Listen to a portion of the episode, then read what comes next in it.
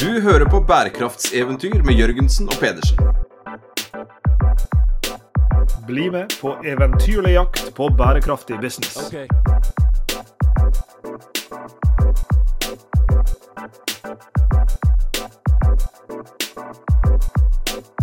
I denne spesialepisoden av Bærekraftseventyr Sveinung, så eh, skal vi igjen reposte en eh, samtale fra den engelske podkastserien vår Adventures in Sustainable Business. Det gjorde vi jo for første gang for noen uker siden, eh, da vi snakka med Nancy Bokken om ubærekraftige forretningsmodeller. Og vi har fått så mange positive tilbakemeldinger fra lyttere som likte det, at vi har valgt å gjøre det en gang til. Og denne gangen er episoden en samtale, også denne gangen da på engelsk, med Georg Wernicke fra HEC Paris om rolla til CEO-en i bærekraftig business. Jeg veit du er fryktelig god i, i fransk, eh, Lars Jakob, men eh, hva er, som, hva er, det som, gjemmer seg bak dette HEC? Det, står, eh, det er jo en forkortelse for Haute étude commerciale, altså høyere utdanning i kommersielle fag eller i økonomi. da. Så HEC, eh, som, som, det skrives for oss eh, dødelige som ikke tok eh, fransk på, på, på videregående. Og dette her er jo en, en, en etablert forsker, Lars Jakob, men det er en ung forsker. Og han forsker på, på CEO-ene, altså administrerende direktørs rolle i bærekraftig business. Og ikke bare administrerende direktør, CEO, men også styret, og, og, hvilken rolle styret har. Eh, men også da breiere ut eh, interessentene. Altså dette samspillet mellom organisasjonen, dens ledelse, og alle disse interessentene som, som er rundt. Og i samtalen med, med, Georg her, så går vi inn i kjernen av dette litt vanskelige begrepet governance, altså corporate governance. Ja, dette er jo G-en i ESG på et vis, og det er jo det Georg eh, forsker på. Han er jo forsker på, på en rekke spennende eh, tema innenfor dette, her, som eh, alt fra hvorvidt eh, CEO-er med militær bakgrunn er mer eller mindre tilbøyelige til å eh, drive med finansielt snusk, via hvorvidt eh, CEOs kan fungere som kall sosiopolitiske aktører, være ute og, og mene noe om pågående sosiale og miljømessige problemstillinger, om de burde gjøre det, og hva effekten av det er. Eh, og ikke minst noe av det som, som han har sett aller mest på. Hvor viktig er CEO-en for kall det bærekraftsprestasjonene til eh, bedriften? Og, alle disse tingene her kommer vi jo inn på i samtalen med Georg husker jeg traff han eh, første gang for noen år siden på en konferanse i, i det som kalles ARCS, altså Alliance for Research on Corporate Sustainability. Eh, den årlige konferansen deres, den ble da holdt på University of North Carolina. Det er da Handelshøyskolen der borte. Eh, og kom i prat med han og, og hørte om forskningen hans, og, og, hørte også disse studiene som vi også kommer inn på i denne episoden, om de CEOs da med militær bakgrunn, om de er annerledes enn de som ikke har det, om CEO som har uh, først, sin førstefødte eh, som datter eller, eller, sønn, om det har noe effekt på dette her. Eh, og alle de ulike typer studiene han og hans team har gjort på dette her. Og det var en veldig spennende samtale vi hadde med, med Georg også. Vi sikta oss inn på at han skulle vare ca. 45 minutter, men han endte opp med å vare over en time. og Det er en grunn til det, for vi hadde det fryktelig morsomt når vi snakka sammen her. Og vi kom ganske dypt ned i disse problemstillingene, så vi gleder jo oss veldig til å dele denne episoden også med lytterne våre av Bærekraftseventyr.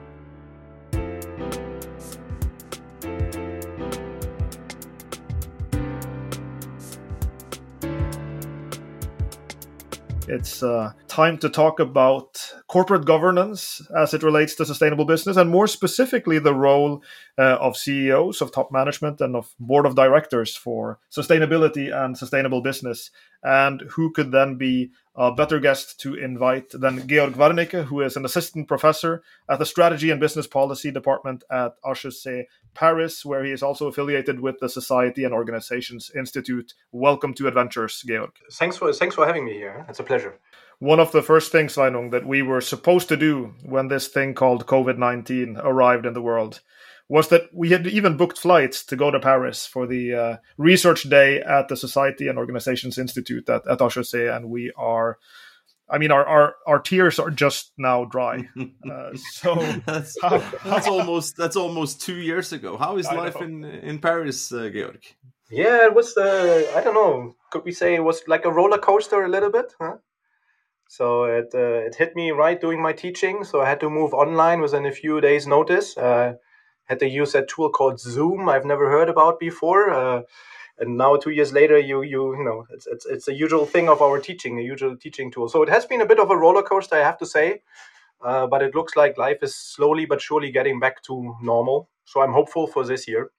I was hopeful for last year too, but I know this year, 2022, is just going to be fantastic. So uh, we're going to have the research day in May. So I hope to see you guys around uh, in May uh, here in Paris we're envious, you know, for you living in Paris, but we haven't been very envious the last couple of years living inside a, an apartment and not having contact with with the students. I guess you're back now to campus, open open school, meeting people again, and, and perhaps also visiting some of those lovely cafes. I hope. Uh, yes, absolutely. So you know, knowing the French, right? Cafes and restaurants are probably the last things are going to close. so they were closed for a little while uh, within those two years, but for most of the times they were actually left open. Uh, we would usually sit outside. It would be a bit cold, but that's fine. You know, as long as the cafe and restaurants are open, uh, uh, life goes on. And and interestingly, so I've taught face to face many of my sessions throughout the pandemic. So I've, t- I'm usually teaching in the MBA program here, and it's very very international. It's 97% non-French, and the government gave us an extra permit to be allowed to teach face to face to also break through potential isolation issues that students would have. Right, they would come here from far away uh, sit you in the room have to be confined to stay here cannot see any you know any of their friends any of their family or any of their potential new friends so we get a special permit to continue teaching face to face of course it meant i had to double my teaching because we had to halve the group size so you know the students could see each other but they had to sit five meters away from one another so but at least they could wave to one another so yeah but uh, now we're back to full capacity and restaurants are open up again uh, also inside also cafes so so life life is almost there now. We invited you here, Georg, to talk about the the, the G in ESG governance. Uh, we just talked about COVID. Is that kind of a governance issue? I mean, just on, on, both on the micro level of a university like this, and also more on the general level globally, and and uh, and so on. Yeah, I mean, so if you ask me, if somebody for whom uh, the, the G is dear to my heart, everything is a governance issue, right? so whatever question you asked, if you if you look at the at the level of a municipality, uh, of a town, of a village, of a family, uh, of a company, uh, of a tribe, uh, of a partnership, there's always governance involved. So every question, including COVID, of course, is a governance question. Um, but I have to say that in my research, of course, I focus on the G usually in companies, uh, mainly in, in for-profit companies, right? But again, I think uh, governance is, is at every single place we can imagine in our lives, including potentially our relationships. And we are meeting our executive students, in fact, next week uh, in the executive program Sustainable Business Strategy. And the topic for that uh, particular session is really related to, in a broad sense, I would say, the, the governance issues and also organizational issues on how to organize for you know delivering on sustainability performance and and one of the questions that i know that many of these guys some of whom are are uh, you know uh, C-suites, some of whom are uh, sort of further down in organizations, many of whom sit on boards. I know that this governance question, as it relates to sustainability and sustainable business, is, is important to them, and, and they have a lot of questions around around that. And I think one overarching question, which I think we'll spend some time digging into from various corners, but you know, uh, in relation to a recent paper that that you wrote uh, with Miha Sajko, uh, how much influence do CEO act, uh, CEOs have on company actions and outcomes as it relates to corporate social responsibility? So that could be a place to start, perhaps. If we think about the CEO, how important is the CEO for uh, a company's performance on these issues? Yeah, so I mean, in a nutshell, right? So if, if if you want to dive off a little bit, your students uh, next week, then I give you the answer in a nutshell, in, in one sentence. They matter a lot. um, and here's another long, the long answer. Um, it, it's a very difficult question to answer, actually. Right? It seems very simple, like how much does the CEO matter? But if you really think about it, it's not sure if the CEO matters a lot, a little, or just in certain circumstances right? So there's there's a few theoretical views, but also a few commentators or, or analysts who would say CEOs don't matter much, right? Companies will be successful. There's there's hundreds of thousands sometimes of employees. There's thousands of suppliers involved. There's thousands of customers involved. There's millions of different shareholders. who all contribute to the success of a company. So why would a single person, I mean, of course that single person is on the apex of the organization, but why would a single person in, in, in such a big organization, in such a complex machine, you could say, have that much influence, right? And then of course there are others who say, no, no, no, no, no, it's like a ship. You know, if the captain screws up, and the whole ship might go wreck. Yeah, so CEOs matter a lot. And so this is a very difficult question to ask. Uh, you can also think if you know you can also think about it in, in different contexts. So if you think about a football team, how much does a star striker matter or the coach? Right? If, if you train, uh, I don't know, Manchester City or Bayern Munich, how difficult is it not to become the champion? right? So do, do coaches matter? Uh, do individual players matter? And if so, how much? And that's exactly the question we wanted to ask in the context of, of ESG here, or sustainability. So we know that the CEOs matters from prior research. We know that certain characteristics of CEO matters, right? But we don't know how much CEOs matter, right? If they just matter a little bit, then why care about different characteristics and how they relate to more or less engagement and sustainability? But if CEOs matter quite substantially, then it is extremely important to understand who are they, uh, how do they think, why do they think the way they do, and what can I do from a governance perspective, maybe to in- encourage them to do more of it, or maybe to encourage them to do other things. So this is basically the main driver of the question uh, uh, that, that we wanted to ask here. Uh, and we have asked it in the context of sustainability. So basically estimating how much of the variance in sustainability over time within firms and across firms you can attribute to the CEO as opposed to factors related to the firm, factors related to the industry, or just general changes in norms. So um, if I can explain a little bit more here. So uh, norms are changing. Uh, what has you know what we think is right or wrong changes over time. So that's a general change in norms. So when we see that firms change their practices, engage more in sustainability, uh, the question here would be how much is due to the CEO or how much is due to generally changing norms and expectation of customers or of governance, for example. Right. So increasingly, customers expect the companies whose products or whose, whose products they buy to be sustainable or to at least reduce their environmental footprint, for example, right? Or to conduct responsible businesses. So then, if we observe a change in, in, in companies' practices over time, it might not due, be due to the CEO, but due to general changes in the norms. Similar to industries, right? Some industries are under more pressure to change their practices, some are less. Some industries are more at the forefront of changing their business practices, others are less. So, how much of the changes we observe across firms and within firms over time is actually driven by simple changes in the industry. And then there's another factor, namely that is factors related, or a whole set of factors related to firms themselves. Some firms are close to bankrupt, being bankrupt, have strong difficulties just to staying afloat. Uh, maybe due to COVID, right? Uh, you know, their, their sales channels broke down. They might have to lay off huge chunks of, of, the, of their, their employees and so on and so on.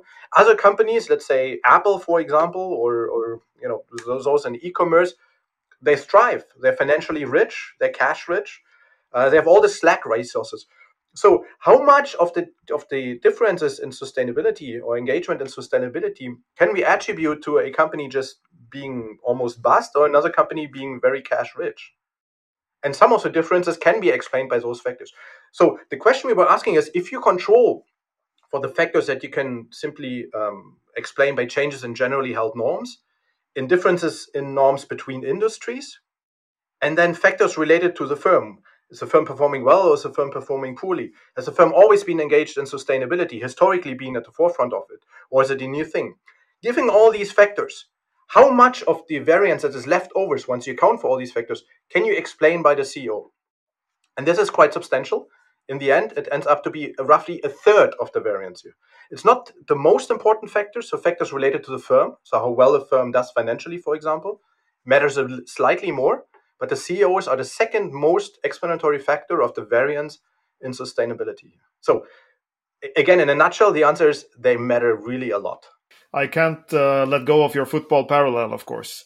and I was thinking about this. Um, you know how how sometimes when a football team has a star striker, as you say, they they uh, need to replace him for some reason uh, or her, and um, the question then is, you know, do you do you replace do you replace like like for like, or do you go for some different? You know, how much does the system matter? How much does the player matter? And you talked about this uh, you, you, in passing. You mentioned, for instance, well, some firms have a history of being, you know, caring about sustainability, perhaps even before the current CEO was there, and they might continue doing so afterwards. Other companies might perhaps have been influenced by the CEO to start embracing sustainability. So I guess my question is something along the lines of how uh, you know to, to to what extent is it the CEO as a person and as a personality, you know, and the traits of of that particular CEO, and to what degree is it, you know, the if you will, the function of the CEO or the the sort of the CEO more as a as some you know uh, factor in the broader management and governance of the company embedded into that cult- specific culture, that particular history of the company. You know, how much is the person versus the role, if you will, uh, mattering here? Well, I mean, that's a, that's a again. I mean, technically, it's a very tricky question to answer. Yeah. so, in, a way, that's why we use variance partitioning, right? We want to understand, okay, uh, accounting for all these factors related to the system and how well the company does. How much, on average, do CEOs matter? So, how much of the variance that is left they can explain, right? Um, but the technique we are using is, is pretty new, and it's a certain variant of the variance uh, decomposition method here, because it accounts exactly for, or it accounts for CEO effect in a specific way that differs from how other methods measure it. The specificity of this method is that it compares how much does a new CEO who comes in change the sustain- sustainability trajectory of a firm compared to the predecessor. And other methods don't do that specifically. They would compare the contribution of a specific CEO to all the CEOs in a company that have ever been there. So that might be a CEO who has been there 30 years ago, but it might also include CEOs who come maybe in the future because we use very, very big data sets of company sustainability developed over 30, 40 years to, uh, to tease apart the effect of the different um, factors, for example, the CEO or the firm factors. So this method is specific in that it actually compares the contribution of a new CEO to the predecessor. So you could you could become a new CEO in a company that is at the forefront of sustainability. Then usually the changes are not that much compared to your predecessor because you're already at the forefront. But imagine you become a CEO at a company that has never heard about sustainability, never cared about it, and never have done anything that you would you would, would call sustainable practices. So then a CEO can change a lot, and it looks like it, it, it the CEOs can change a lot. So there's of course uh, differences in, in the rooms of what we could say improvement of sustainability performance here that differs across firms. And the method we're using accounts for that specifically. Yeah? Because exactly as you say, it is super important to understand that a, the same CEO in two different organizations, one at the forefront of sustainability and one which doesn't do any sustainable uh, practices or engage in any sustainable practices at all, can have a very differential impact. Uh, and that needs to be accounted for. But there's a second part in, in your question that I find is super interesting, uh, and that is about what we call endogenous matching. so it, obviously, managers are not randomly matched to firms, right? I mean, there's a process there. Firms look for a certain CEO. Usually, the board says, okay, these are the, the specifics that we have for the future CEO. And more often than not, now it includes um, dimensions related to sustainability right? Does the CEO is interested in increase in, in sustainability? Has the CEO a history of increasing uh, the prior employer's sustainability performance and things like this? So if the selection of the CEO into firms is actually driven by those factors, which we can usually not observe, we do have an issue of, of what we call endogeneity. Yeah, so we attribute, we incorrectly attribute changes in the firm's performance to the CEO, while it is actually to the board, for example. Yeah, and that, of course, needs to be accounted for. In the research, we do that. And what we use is, is a practice that's quite interesting. I think it's quite interesting. It's kind of cool. We look at what we call exogenous turnover or planned turnover. So, exogenous turnover is the CEO dies. because, um, I mean, I shouldn't laugh. The CEO dies. Uh, maybe the person is, is sick, or the person might step down because maybe somebody in the family is sick. Um, and we also include cases where there is a pre specified pre-specified um, age of retirement. So some companies uh, specify that the CEO has to retire at the age of 65 or 66 or 63 or something like this. So in those circumstances, when the CEO has to leave the post due to exogenous reasons or is scheduled to leave, it is unlikely that the board, for example, wanted to change the trajectory of the firm. Right? The exchange in the CEO position is not because the board is unhappy with the CEO, maybe for reasons related to financial performance or sustainability performance, but just because the person turned 65 or the person died or became severely sick. So in those cases, it is less likely that we have that we have this endogenous matching driving the effect that we observe. So a board picking a CEO specifically or firing a CEO specifically because the CEO uh, is doing poorly on, on certain dimensions. Yeah? And even if we do this, the effect is pretty stable. so even if we address this concern that, that managers do not randomly match with firms, um, the effect is pretty stable. So I'm pretty confident to say top managers matter quite a lot. Yeah? And it's important to consider the circumstances uh, and the, as you, as you call it, the system of the or the characteristics of the firm that they enter as a CEO.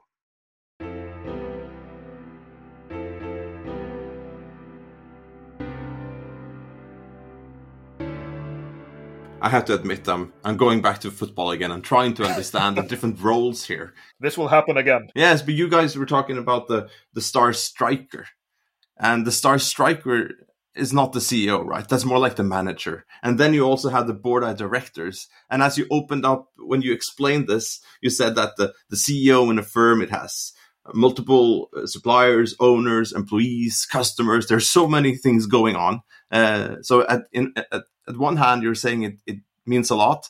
And at the other hand, you're saying, well, it, it depends. Uh, and then in your studies, as I understand it, you've found out that it does matter, uh, but you have to understand the, the, the circumstances. Because I was thinking then in, in, football terms, and I was thinking of a, a favorite case uh, of, um, of uh, Lars Jakob and I, uh, Forest Green Rovers. I don't know if you heard of them.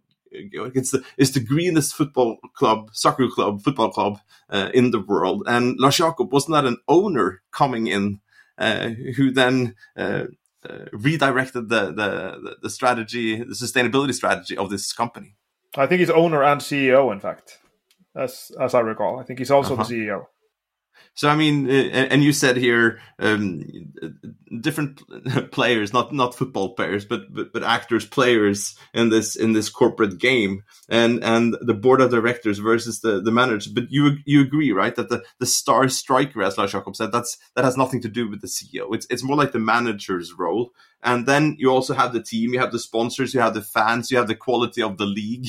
There's so many things that comes to play with the, with the quality of football and then and then and then going back then to the the CEO's role here as a manager then say of a football team or of a company that produces chocolate or cars or travel and so on do you have any like favorite stories? Not from football then but do you have some favorite stories about uh, CEOs coming into to a company that has not been sustainable for instance uh, and that has done changes? And what kind of changes can a CEO or a football manager really do? Uh, it's always tricky to, to, to bring in uh, uh examples here, right? Because we use them to illustrate something, and of course, there's always more to the story, uh, as, as you say right now, right? There's so many things, and and just to acknowledge this up front, there's a lot of the variance that we cannot explain, the, what we call unexplained, and a lot of the things you just said there, they probably fall into that category here, but we don't have the method yet to estimate the contribution of every individual actor here, right? But nevertheless, I mean, I think you know it's it's a pretty robust method and it's a good start to estimate, for example, how much a coach or a CEO can matter or, or does not matter. But to come back to your question, let me give you an example of, of a company that I, I, I follow quite closely, and that is uh, Danone, right? So one of the big uh, uh, food producers uh, in, in, Europe and also in, in, North America. Very, very active. Um, had a CEO uh, who had to leave um, roughly a year ago, March last year, Emmanuel Faber, who was very, very strong in pushing the company. The company has always been engaged in, in corporate social responsibility, right? So let me start there. So since its foundations, and it has started in Spain, actually started off as a producing yogurt to address a certain sickness of in, within kids. So it's always been uh, interested in in more than just making profits when producing food, and has always been uh, in, uh, interested in in allowing us to produce food more sustainably. But of course, it's a mass producer of food. Uh, it's serving a market that is price conscious here. So there's a lot of trade offs that the company had to do. One thing I found remarkable is that Emmanuel Faber was really pushing the company to do even way more than it did before. And again, it's not a niche producer of something, right? So it's not the the highly expensive eco food that we can buy in certain stores where there's absolutely no packaging and so on, which a large part of the society or consumers might not want to afford or might not be able to afford. Yeah. So this is a mass producer of products, uh, lots of dairy products, and dairy products are per se not very sustainable. Huh? Um, so he was really trying to push the practices of the company to change the way produce food. That goes from regenerative uh, uh, agriculture to having, for example, different contracts with farmers. So one thing I found remarkable there is that he um, that Danone introduced long-term contracts with dairy farmers to tease out or to to allow them to think more long term and to engage more in sustainable practices. In big issue in that sector is that the price of milk, for example, is very volatile. So it's very difficult for those farmers to to make any, let's say, larger long term investments because they have absolutely no idea or they have very little idea of how the price will be next month or maybe next year. So from their perspective, they had lots of disincentives to, to change their business practices and to do any investments. But by Danone offering them long term contracts that was based on a cost plus basis, so they estimated their cost, they engaged with those farmers. On the cost, they got a bonus on, on the cost, and the bonus was dependent on the quality of the milk, of course, but also of the company or the farmers engaging in sustainability practices. They also got some coaching there to change uh, the, the way they produce milk. So Danone helped, but also gave them incentives financial incentives, but also helped them to f- uh, free up room and, and maybe to allow them to think about how to produce milk in a, in a different way, right? And that was pretty pretty successful. Um, it was successfully introduced, and it, it, it, allowed farmers then to engage in more sustainable uh, practices here. So I found that a rather you know not too complicated solution but it changes the way we produce food and and we could potentially produce dairy products but in the long run he said that potentially we need to get out of those businesses huh? because they're per se not not sustainable here so he pushed a lot a lot of investments in Danone and actually plant-based uh, uh, uh, products more and then again the production of plant-based products um, he pushed Danone to um, produce those plants or to work with suppliers who engage in regenerative uh, agriculture and things like this of course transforming a huge business like Danone is not easy. Uh, it's very, very difficult. Um, you know, him not being there anymore also shows how difficult it is, also in terms of satisfying the different stakeholders, especially those who have a financial investment in the firm. But at least he tried, and he tried that quite impressively here, I have to say. And there's an interesting dimension to that uh, story as well. I don't, uh, I haven't followed it very closely, but I remember that one of the things he did, and I, I found it here, uh, also, that he he was the one who changed Danone's le- legal status to uh, in, in, French it's called entreprise à mission. I guess it's something quite close to a B Corp or something along those lines. Uh, and and that's I think an interesting sort of throwback to what we talked about earlier that a CEO can can do things in the role of being a CEO, but but he also has the opportunity to change or or be part of changing governance structures more broadly that will remain in place also after he he he leaves, and of course he was. Um, I guess it was activist investors who who eventually got him out of the firm. But, but let me jump in there. So that's fantastic that you bring it up, right? So, I mean, it, it's a bit of both. So on the one hand, we see how much CEOs matter, right? So he is really bringing up the ideas and saying we have to change the way we produce our food, but we also have to change the legal structure of a company. The company uh, should acknowledge or should be able to acknowledge that they serve more than just shareholders. And and to produce great products, every company says that, but to produce pro- great products in a sustainable way. And potentially that means that you have to make trade offs, hurtful trade offs that might be a bit detrimental to, let's say, the profit uh, margin here, right? But that are, at least that's the argument, more profitable, but also more sustainable for the long run future. Because the way we produce food, we cannot sustain uh, for very much longer. So he was really pushing also to to allow the company to have a different governance structure here. And as you correctly said, um, it, it, tried to become or it's becoming a so-called B Corp.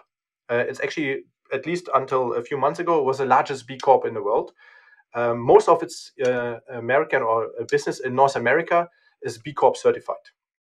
Yeah. So here we can see how the CEO pushes a company to change its trajectory, its practices, but also its legal status. but it also shows that, of course, uh, I mean, or it has to be, or we have to be realistic here because it's, of course, not only the CEO. You need to have the owners on board to change the legal status of the company here. And here, the owners, at least at, until this point, they're very, very supportive, right? So, I mean, there was a huge agreement among shareholders when they decided on whether or not Danone should become a B Corp.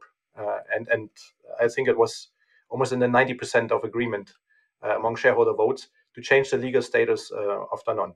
And here, really, you can see that the company is also changing practices for a country or within an industry. Because now the law was changed, there's a possibility of, of becoming something like a B Corp uh, in, in the French corporate law, and it hopefully encourages other companies to follow suit.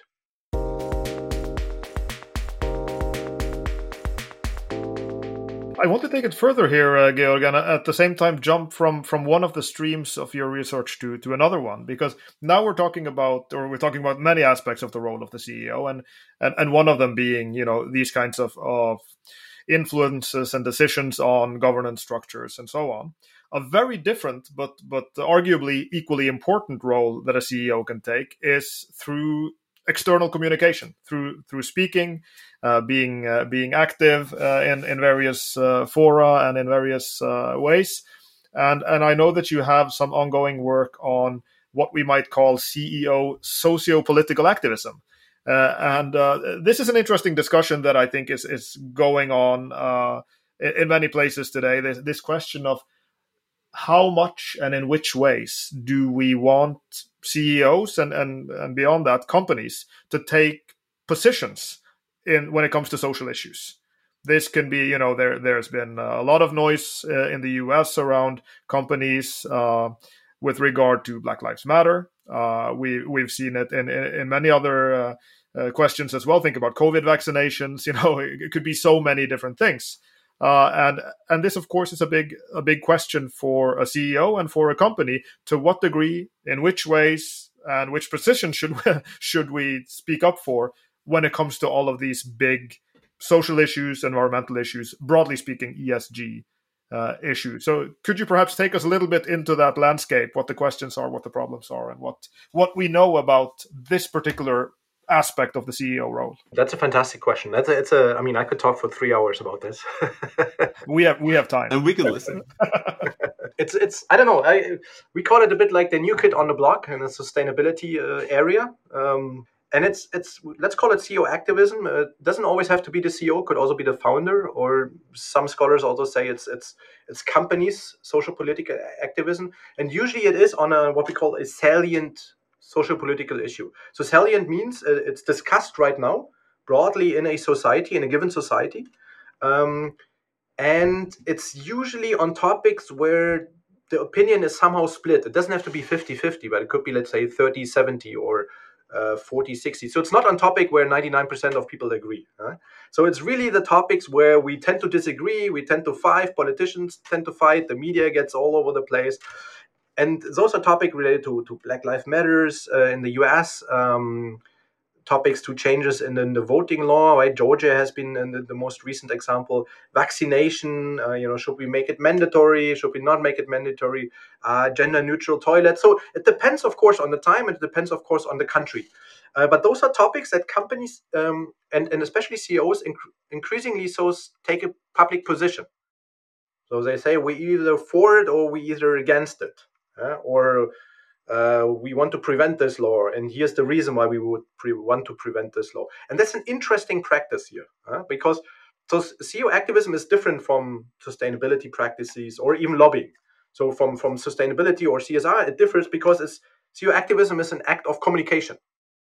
It's just talking. It, it might be followed by action, which we then might call sustainability engagement, but it doesn't have to be right? So I'm against this law, or I think it's discriminating. Doesn't have to be followed by action. So it's an act of communication, and it differs, for example, from lobbying because it's in plain sight. I go out on Twitter, I go out on the news, and I say I'm I'm for something or against something. Lobbying is very often done behind closed doors, and actually, most companies don't want you to know what they lobby for or what they lobby against. But CEO activism is a very public act of communication where uh, CEOs take a, a stance on a salient social political issue here. And this has lots of implications. uh, there's, I mean, I have to say it up front, there's lots of things we don't know, right? But this has lots of implications.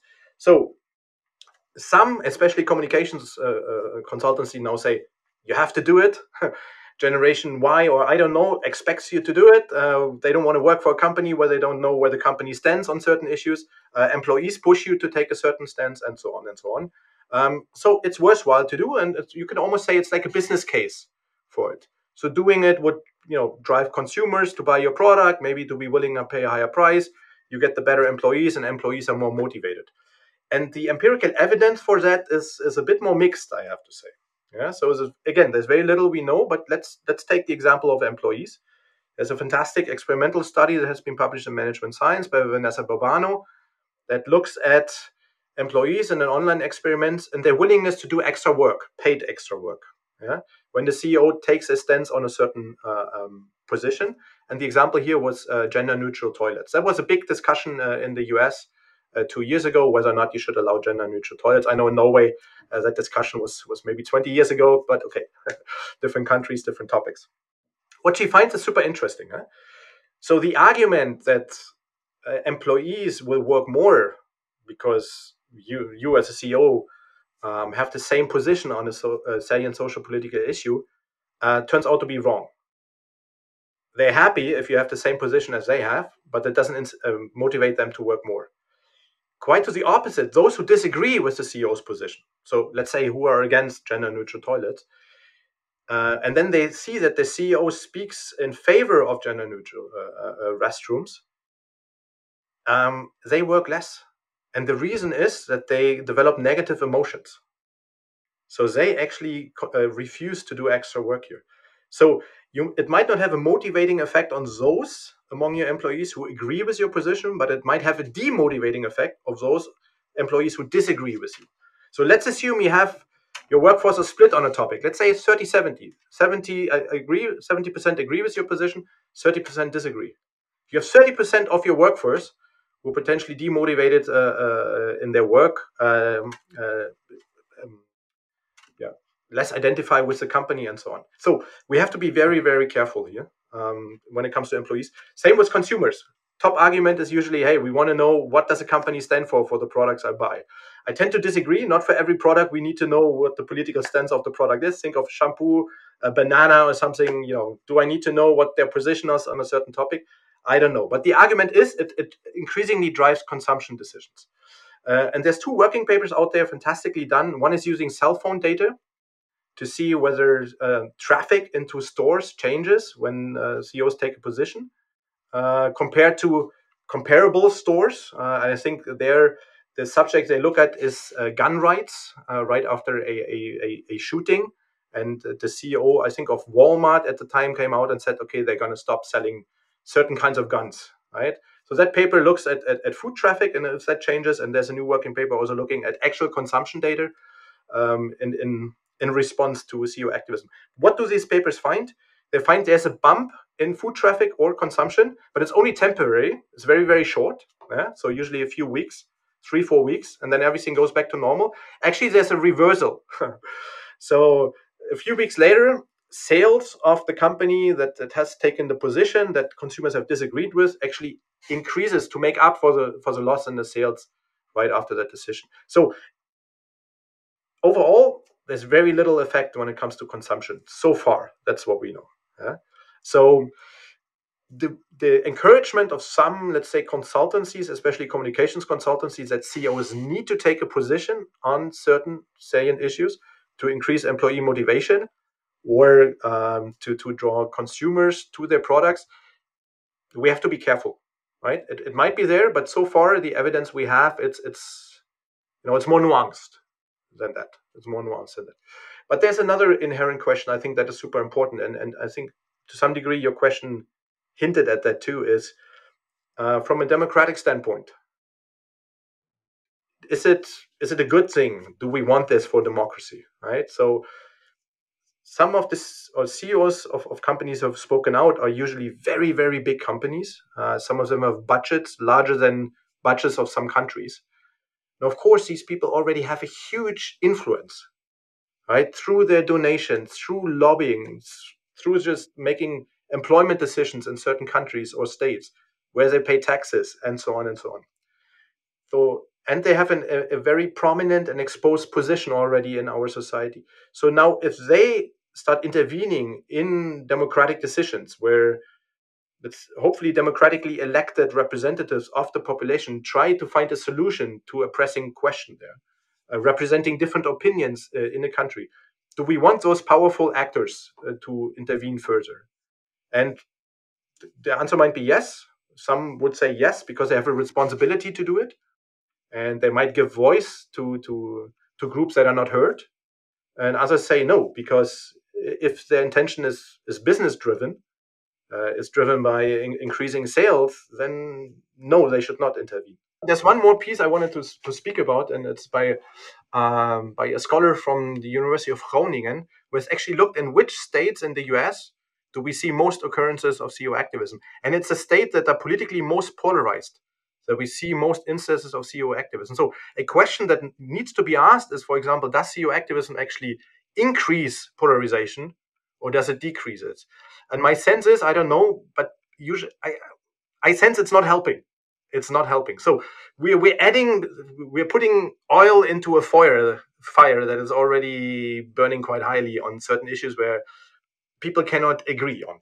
Yeah? So yeah, it's a new kid on a block, but the effects are very, very nuanced. There's a lot of things we don't know about it, but many of the, let's say, more positive predictions from a business sense um, we have to be careful about them a little bit. This is very interesting, uh, Georg, and you introduced this new kid on the block, and, and you talked about it in, in one way, CEO, CEO activism as a communication issue, and then it was more a strategic issue. And there are, you know, there, where does this start and where does it end? Am I, when I'm listening to you, I'm, I'm just thinking of this ongoing case that we have right now with Spotify.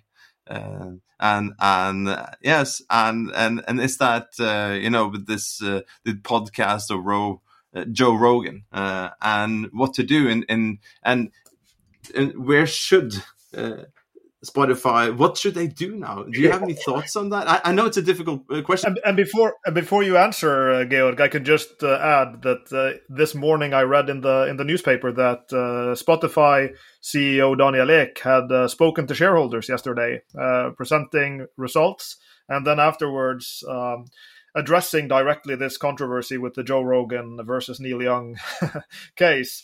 And he, he was saying something along the lines of this is a very complicated case but I'm proud of how we've responded after concerns coming uh, from various stakeholders. And we we need to be able to balance the creative expressions of content producers with the safety of our users. So he's in some sense he's he's taking a sort of position there. It's not a very strong position. I think it's uh, it's relatively you know balanced or what word you would like to say. But you know, but but this is I think it's an interesting ongoing case study right now of what we're talking about. Yeah, absolutely. Um, and even though at least from my reading of the case here is that he was pushed to take a position here right? So i mean at some point they had to react do something uh, either say i mean not reacting to some degree is interpreted as having a position right? And if, if you're in that position then then you got to do something. Um, and and that's an interesting part of the discussion on CEO activism as well. But it's a super interesting case, and I, I mean, I engaged a little bit on on, on Twitter on some discussions, but uh, you, you know how Twitter is. Sometimes it gets a bit too toxic, so I had to get out of it. But um, I don't know what they should do. But from my perspective, it needs to be discussed whether or not Spotify is the right actor to decide who can put which content on their platform. We might agree that you know that in that specific incident, um, you know that that actor might be banned from Spotify, but you know where does it end? I mean, who decides what we should listen to or not listen to? And and if we allow, let's say, that that certain context on one side of the political uh, um, spectrum gets banned, then what do we do if it becomes banned from the other side that we might agree with? Uh, and from my perspective, is they should not be the ones who ban it. There should be a more. There should be more. But it, it's of course my position. It's there should be a regulatory body that is democratically legitimized, that is either elected or sent there by, let's say, government. Potentially, it's not, it's not enough if one nation does it, but potentially we need a, a, a cross nations, a body who does it.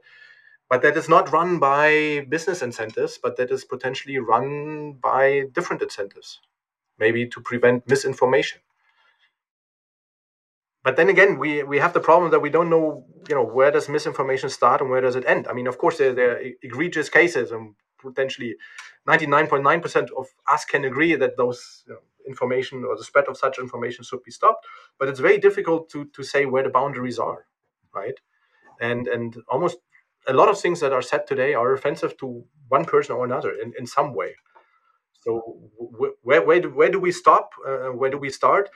And but isn't it, isn't this what you wake up in the morning thinking about? You, I, I started out asking you is is is COVID a governance issue, and it said yes, everything is a governance issue. Family life is a governance issue, and also, of course, uh, dealing with with the global political political questions is a, a governance issue. And here you have uh, Spotify then, and we've discussed Facebook for many many years. Uh, is it just a neutral platform, uh, or or is it uh, do they have some kind of editorial responsibility to uh, uh, and, and and this is kind of an ESG is, issue isn't it for for social media? And, and isn't this kind of the first time that Spotify was put on the spot for for this? And isn't this something that the the the CEOs in the future and also as a democratic problem is something that we need to to reflect upon and that perhaps if if it's not an issue of of of uh, CEO activism, I can understand, but it but it is an ESG issue for Spotify. Absolutely, and and as we can see, it, it's more and more difficult to to not be put on the spot.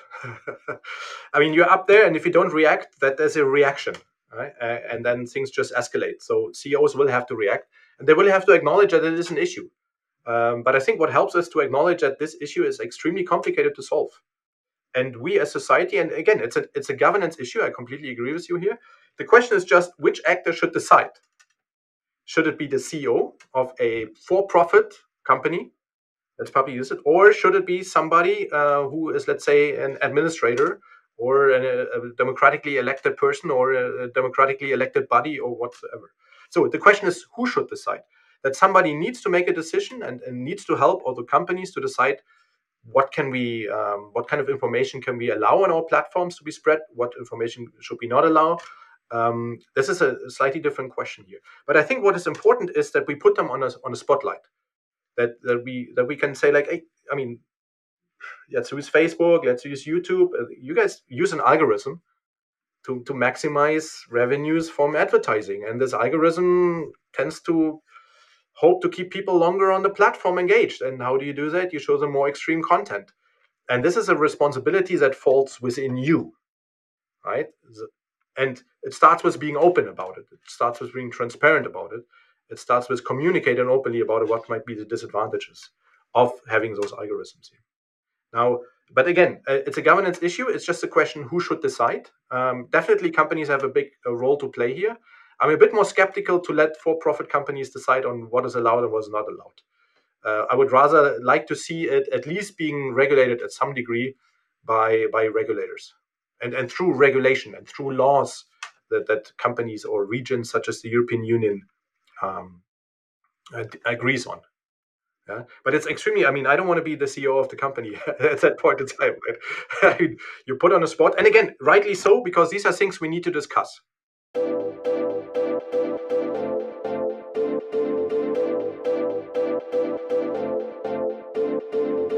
I want to uh, shift gears, Georg, and make sure that we we touch on another aspect of of uh, your research on this these issues as well. And and here's my segue.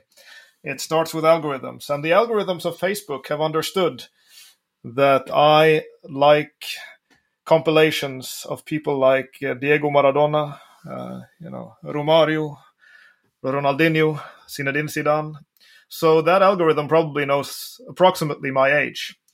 Uh, and here's the segue. I want us to talk a little bit about the age of CEOs because that is something that you have also investigated, and I, I, find it a very interesting issue, not just when it comes to CEOs, but but really age as it relates to an age and sort of generations as well as it relates to sustainability. There's a big discussion about this when, when we talk about consumer markets. Is it so that millennials are more sustainably aware when they shop than than their parents and grandparents? We talk about it for for employees. You know, is it so that our current students who are in their 20s now are more concerned with sustainability issues and therefore choose, you know, their future workplace with that kind of thing in mind? But you have done work on uh, the age of CEOs and how that relates to uh, their inclination to prioritize these kinds of sustainability issues.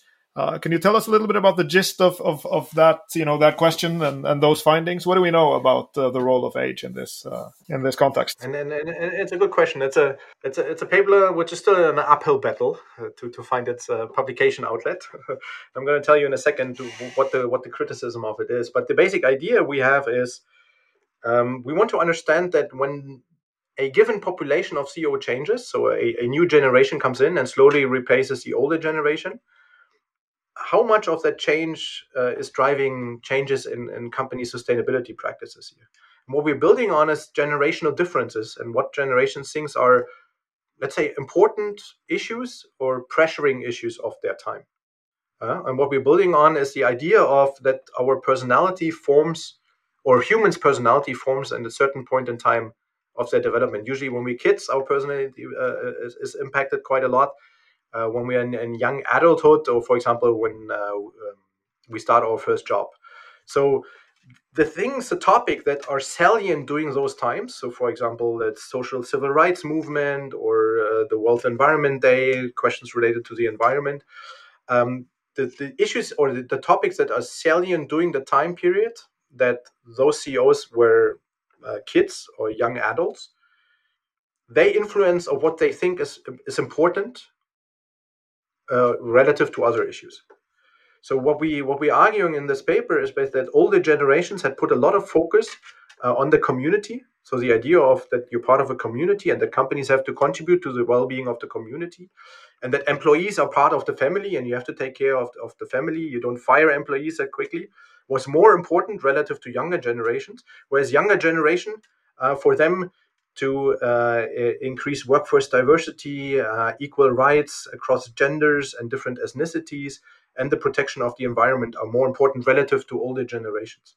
So, what we try to show in this paper is that there are those generational effects that allow us to understand a little bit the differences across firms' engagement and sustainability, again, related to the CEO, but then explaining it by the generation the CEOs uh, um, belong to. This is not to say that for CEOs of certain generation, um, a certain type of sustainability practices is not important. It's just the relative importance to one another changes a little bit. So we want to explain a little bit the shift in sustainability practices that we have observed by the change in the population and the generation uh, in the generational composition of the populations of, of CEOs here. And again, it's related to the idea that CEOs matter uh, and if CEOs matter for sustainability, we have to understand who they are and what do they think is, is the most important thing uh, when it comes to sustainability. And here, generations play a big role. Yeah, so that's that's the idea we have uh, in the, in this paper here. Yeah. Um, a, a, bit more the basis here is also that we try to combine here the fact that some of our values change over time and some are stable at least relative to others. So, for example, we we tend to become a little more conservative the more we age. but you know, Sven and Zweig, you might have some differences, stable difference between the two of you when it comes to your political view, for example. And that continues potentially to stay there even as you age. Even if, if you both become more conservative, one of you might be slightly more conservative than the other. So we try to combine those two facts that values change over time, but a part of the values are also stable here. And we try to dissect the two to explain differences in company sustainability engagement.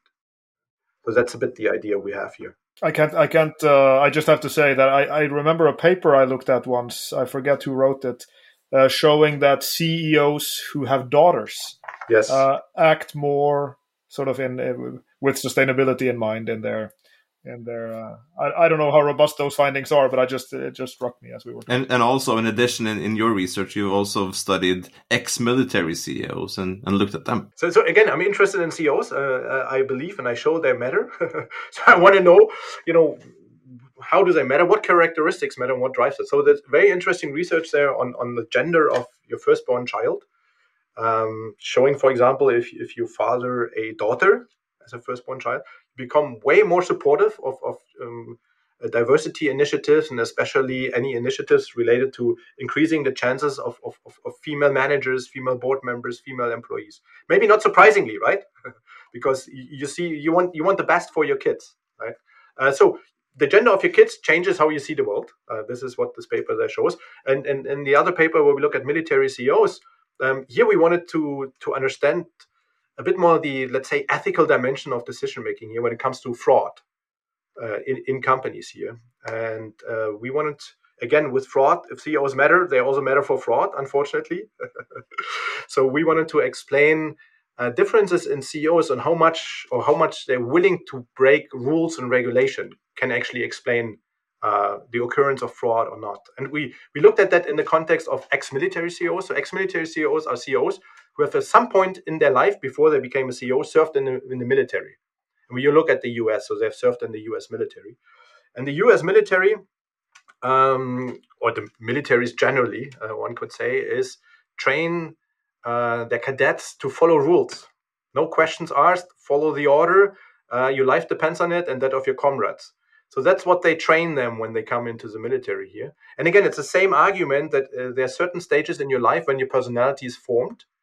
Uh, getting into the military is usually one of the stages. The military is very keen usually on breaking your personality first, then rebuilding it. Right. So our argument is here that when you when you are trained to follow rules and order, then later in life, even decades later, you're less likely to break laws uh, and regulations and hence to engage in fraud. So there's a typical example: ex-military are less likely to cross a street if, the, if there's a red light. so even years later, it's just in them. It's just them. They can't help it. So we use that to say, okay, all right, that is potentially that's how we can identify how for some CEO it's it's the normal, it's a part of their personality not to break rules and not to engage in unethical behavior here and uh, we test it in the context of financial fraud and of option backdating. And we indeed find that those who have served in the military, that companies run by CEOs served who served in the military, are less likely to engage in financial fraud and less likely to be entangled in option backdating uh, scandals. Hmm. Do you have any data on how creative they are? If they don't break rules, one thing is like breaking the the, real rules that, that that shouldn't be, be broken. But do you have any data, your own or others, on on these kinds of CEOs and and how they are uh, in leading uh, innovation? No, no, and and that's a very good question. Uh, we we try to look at that a little bit. Um, so at least for organizational change, there's some. Um, I mean, with all the caveats that apply, it's not published work. They engage in less organizational change, so they're more conservative uh, in their thinking as well. Uh, and also, again, uh, not published work as a working paper out there, less innovative. Yeah?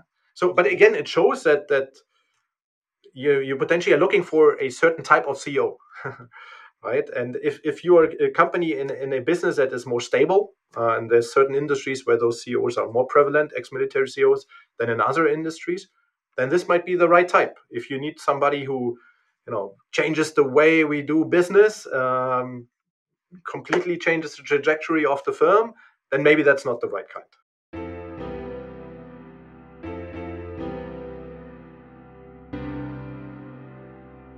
This leads me over to the, the next question, and maybe one of the last uh, today's in, in today's talk. I hope we could continue this talk uh, later on.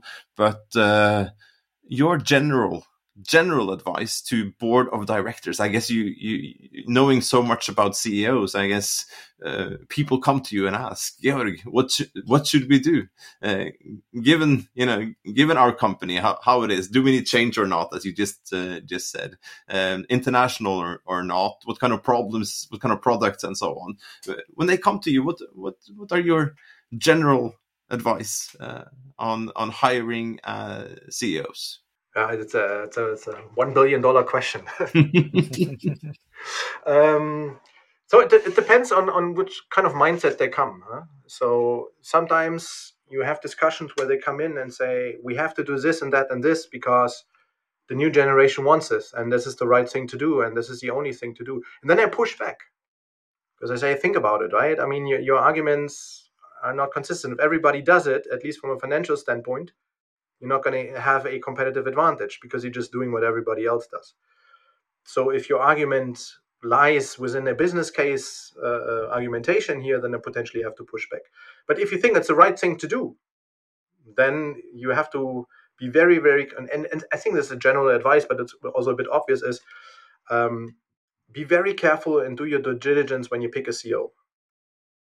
Yeah, uh, and it increasingly includes ESG questions now. It's not just can the CEO has the CEO a past of delivering financial performance right? And if you want to increase your financial performance and you think you can do that through ESG, maybe you're on the wrong track, anyways. Yeah, it's not as simple as it sounds. But ESG issues become more important, as we can see in Spotify example. So, what do you do? What does your CEO do? He has to react.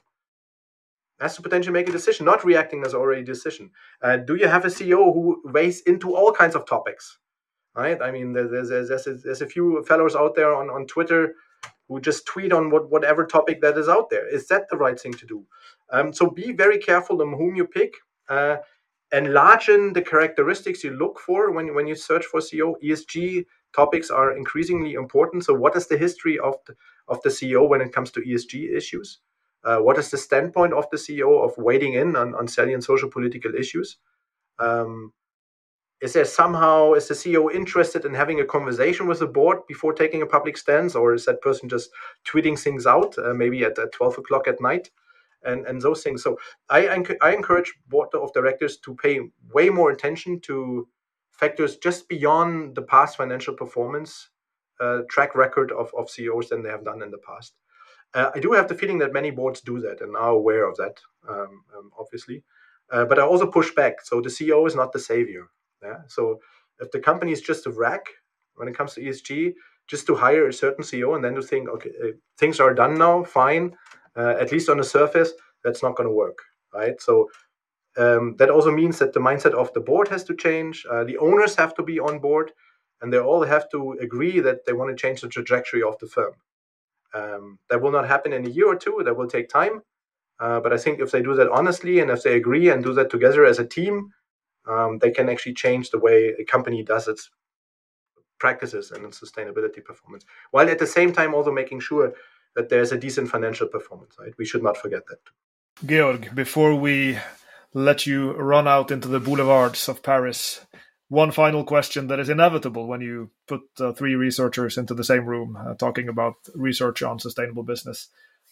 You have uh, covered many aspects of the CEO role and, and more broadly of corporate governance as it relates to to sustainability. Uh, and we've we've covered many, but not all of those uh, all of those topics. Um, but the big question, of course, is what are the unanswered questions? The unanswered questions that you want to answer in the future. So, what what are the the big questions that you are going to be tackling in the years to come uh, in this field? Yeah, yeah. So a lot of my research will is focusing right now on on understanding CEO activism better and the whole engagement of, of, of companies uh, um, taking a position on, on say on social political issues. We know very little about Europe uh, uh, when it comes to that phenomenon. Uh, most of what we know comes from the US, and our norms they're similar, but they do tend to differ. So I want to understand a little bit better how prevalent is a phenomenon in Europe, and, and what are the drivers, the antecedents of it. Is it driven that employees or society or consumers um, would like CEOs to take a standpoint or not? So I would like to understand that a little bit more the antecedents of CEO activism, uh, also the effects of CEO activism uh, on consumers, on employees, but also on investors. Are there certain types of investors who say, this is the type of company I would like to invest in, or this is the type of company I would not like to be invested in? So the antecedents and the consequences, and most importantly, the implications for our democracy. So is that something that we could perceive from that perspective as, as a good thing, as a bad thing, or on which contingencies does it depend as that we see it as a good or a bad thing. So this is a bit research pro- a big research project uh, um, I'm, I'm, currently having here. Um, and i think there's very little that we, we do not understand here. I'm increasingly also getting interested in, in initiatives about lobbying. Um, generally i think lobbying is very opaque. Uh, in europe even way more so than it is in the us and increasingly think to put or hope to put with, with colleagues here from the law department what we call the political responsibility of companies a bit more at the center of public and scholarly attention here. And maybe to introduce it also to the CSR ESG uh, as, a, as a new letter here, that we also put in the political responsibility of companies. We see very often that unfortunately that companies publicly say something, it may be through CEO activism, and then lobby behind closed doors for the exact opposite here. So I think there's a lot of uh, uh, work to do, uh, scholarly work to do, but also potentially with implications for policies on firms' political responsibility, and maybe to have it as a integral part of, of ESG or CSR uh, or sustainability more broadly. So these are the two big questions that that currently drive my my research interest. We look forward to follow this work uh, going forward, Georg, and we are very grateful that you joined us for this adventure in sustainable business and uh, told us about uh, your work on on the role of the CEO and the role of corporate governance for sustainable business. So, thank you very much for for this great conversation. Yeah, Lars and Sveinung, thanks thanks for having me, and uh, you know, happy to come on board again tomorrow to talk about CEO activism a bit more. no, but but thanks thanks so much for for including me, and uh, it was a pleasure as always.